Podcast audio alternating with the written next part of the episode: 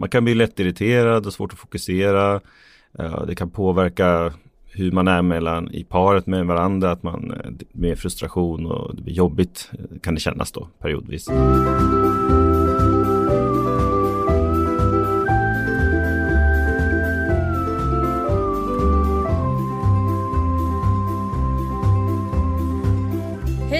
Välkommen till Familys föräldrapodd med mig Jenny Ågren. När man är gravid och väntar sitt första barn så får man ofta höra från folk som redan har barn att man ska passa på att sova för det får man verkligen inte göra sen. Och man tänker att vadå, så farligt kan det väl ändå inte vara. Och visst, man kan ha turen att få en liten unge som gillar det där med att sova när vi andra också sover. Men man kan också få en unge som inte alls är så pigg på att sova. Hur gör vi för att lära barn att sova? Hur gör vi för att hantera den sömnbrist som vi drabbas av? Och hur påverkar sömnbrist vårt liv, vår relation, vårt humör?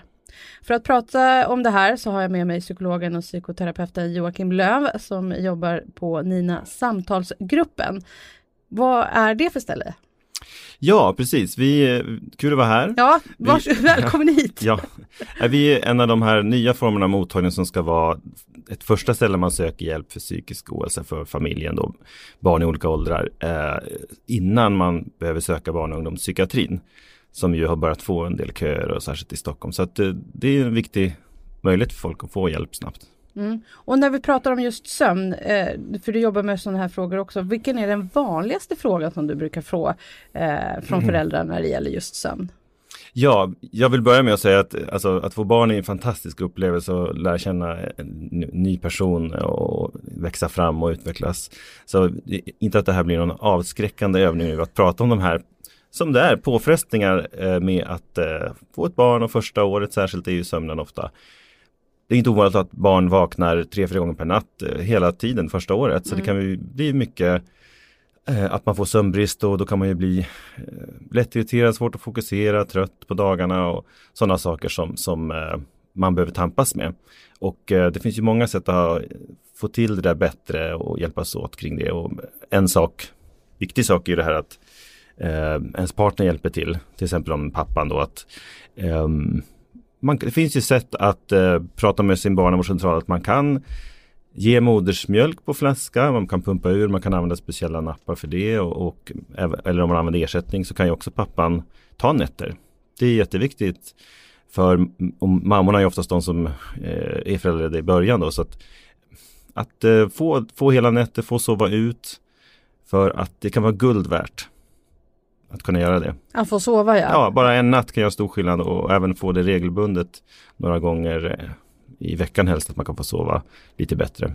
Oj, några, några dagar i veckan till och med säger du nu. Jag kommer ihåg när jag själv hade de här riktigt, när de var riktigt små, mina barn.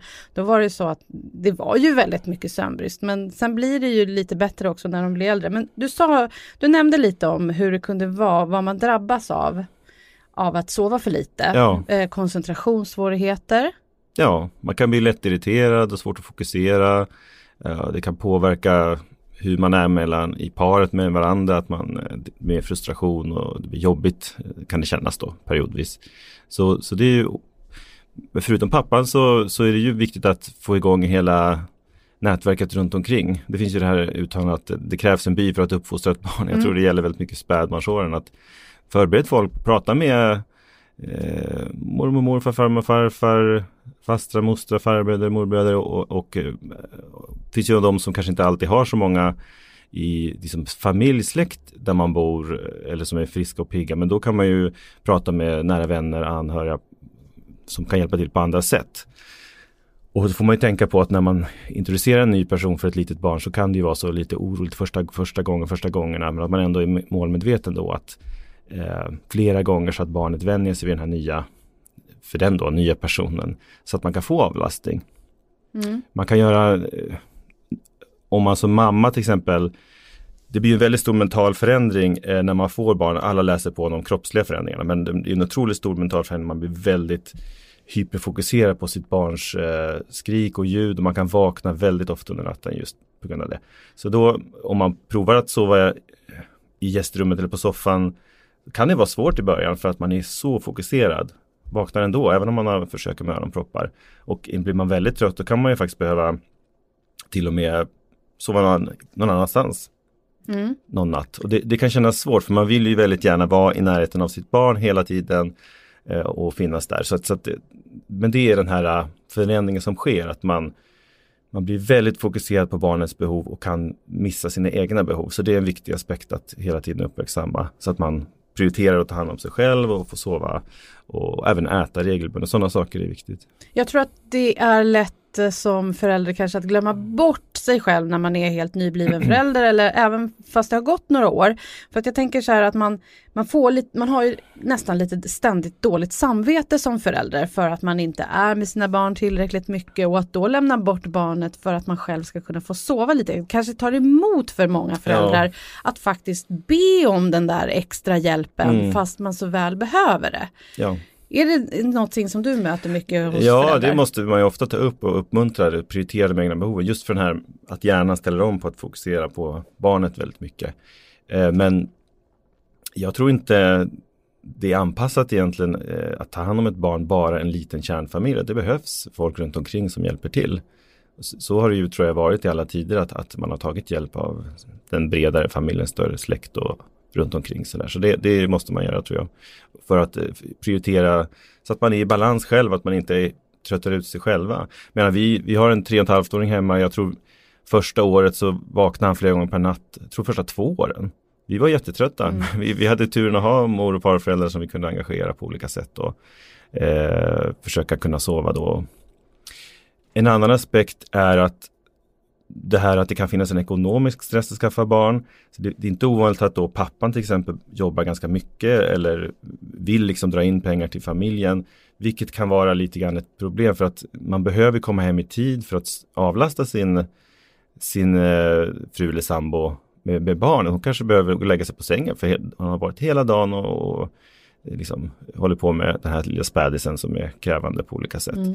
Så då kanske man ska tänka lite pragmatiskt och hitta begagnade saker, begagnade barnvagnar, kläder, be om pragmatiska presenter eh, har folk liksom bunkra upp med kläder och prylar och sådär så att, så att man inte måste känna den här ekonomiska pressen att man måste jobba övertid eller sådär för att man behövs eh, där hemma även som pappa även om det är mamma som är föräldraledig precis i början då med amning och det. Jag tänker också så här, så upplevde i alla fall jag det själv, mm. eh, att man när barnet väl sov, när det här var under min föräldraledighet till exempel, så var det så här, okej, okay, nu sover han eller hon. Nu måste jag hinna äta, jag ska hinna duscha, jag ska hinna städa, jag ska hinna tvätta. Alltså man, har, man känner ju att man har en så enorm press på sig att hinna allt det andra, att det är svårt att släppa det. Ja. Och att det liksom så här, det spelar väl egentligen ingen roll om det ligger en tvätthög eller om jag luggar lite svett om armarna bara för att sova. Men hur jobbar man med den hur får man bort det ur sitt mm. huvud? Ja, det kan ju vara, om man är lite uppe i varv sådär så, så kan det ju vara svårt att slappna av och sova. Men, men bara det att vila och lägga sig ner på sängen med en filt en halvtimme, det kan vara jättemycket värt även om du inte lyckas somna.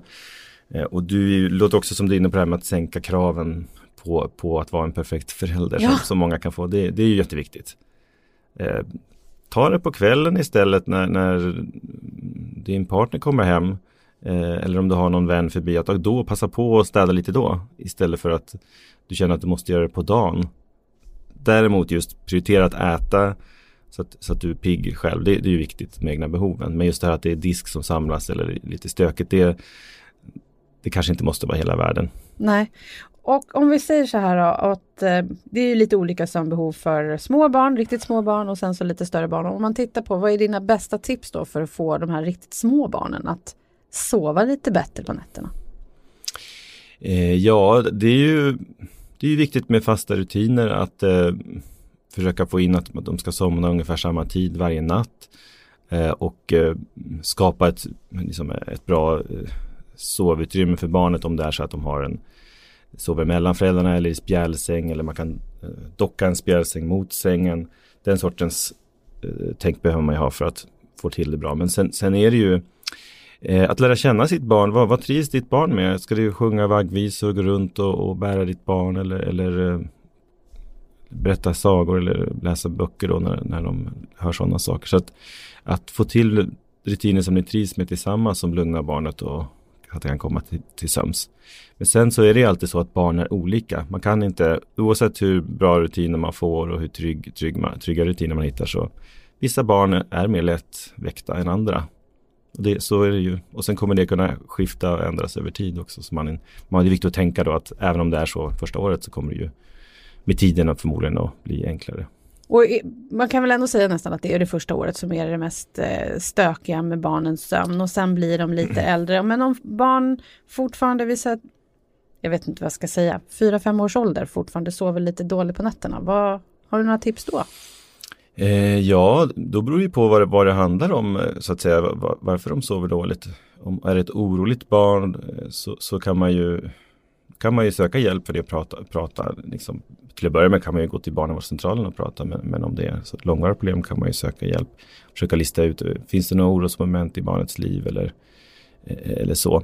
Um, jag tycker att det, det, är väldigt viktigt att få till uh, en trygghet vid nattningen. Uh, så vi, vi har ju otroligt mycket böcker och läser och han är, inte, han är inte så mycket för att vi sjunger längre. Jaha, inte sjunga, inte. han är sur på det, han tycker det, det är tråkigare än att läsa. Men Sjunger lä- fel sånger då undrar jag? Nej, han tycker, han tycker så mycket om att vi läser. Ja.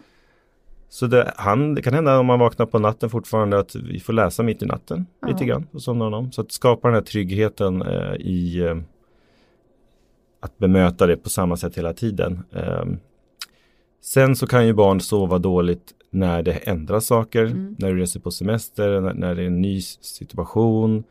Man kanske börjar på förskola, byter förskola, vad det nu kan vara som ändras. Då får man förvänta sig att barns sömn kan störas tillfälligt. Så det kan finnas olika anledningar. Mm. Man får hålla eh, lite koll helt enkelt.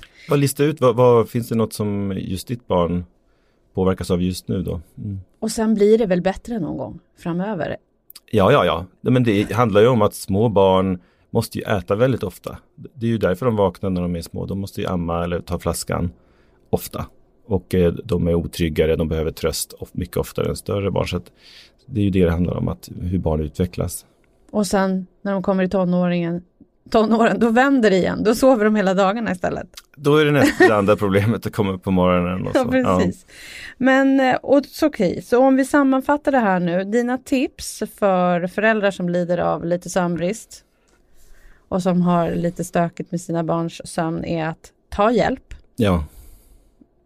Tyck, äh, känn inte att det är jobbigt att fråga om hjälp helt enkelt. Utan även om du kanske inte, även om du lever ensam eller om du har massor med folk runt omkring så försök att få hjälp. Ja. Och sov mycket. Och behöver man mycket sömn? Eller finns det liksom, eh, kan det räcka liksom med att bara sova 20 minuter extra per dag eller? Allt man kan få till är ju bra men att just det här att få hela nätter ibland kan vara ganska bra mot sömnbrist. Sen de flesta småbarnsföräldrar har sömnbrist första åren till viss del. Alltså mm. att man, man, är lite tröttare, det får man räkna med. Det, det, det är så det kan vara. Är, men man klarar ju mer än man tror. Alltså det, det är viktigt att man blir inte galen av lite sömnbrist. Men att när man känner att det känns för mycket så behöver man kanske få några hela nätter och, och liksom återhämta sig. Mm. Nu är du psykolog, kan man bli galen av sömnbrist? Ja, alltså det, inte enbart, men det kan ju hända kanske att man har en tendens att oroa sig mycket, få ångest kring olika saker. Så, och då är det viktigt att söka hjälp. Så, för att det kan ju bli så att en påfrestning som eh, spädbarnstiden är kan ju bli så att man, man får mer ångest till exempel. Och då är det viktigt att man söker hjälp, eh, får hjälp med det. Så att, eh, jag skulle inte säga enbart sömnbrist men att om man har eh, liksom tendens att ha lite, vara orolig till, av sig. Ja, det var allt för den här gången i Familys föräldrapodd. Tack Joakim Löf för att du var med och pratade om sömn och sömnbrist. Du hittar fler avsnitt av Familys föräldrapodd där du hittar poddar. Jag heter Jenny Ågren.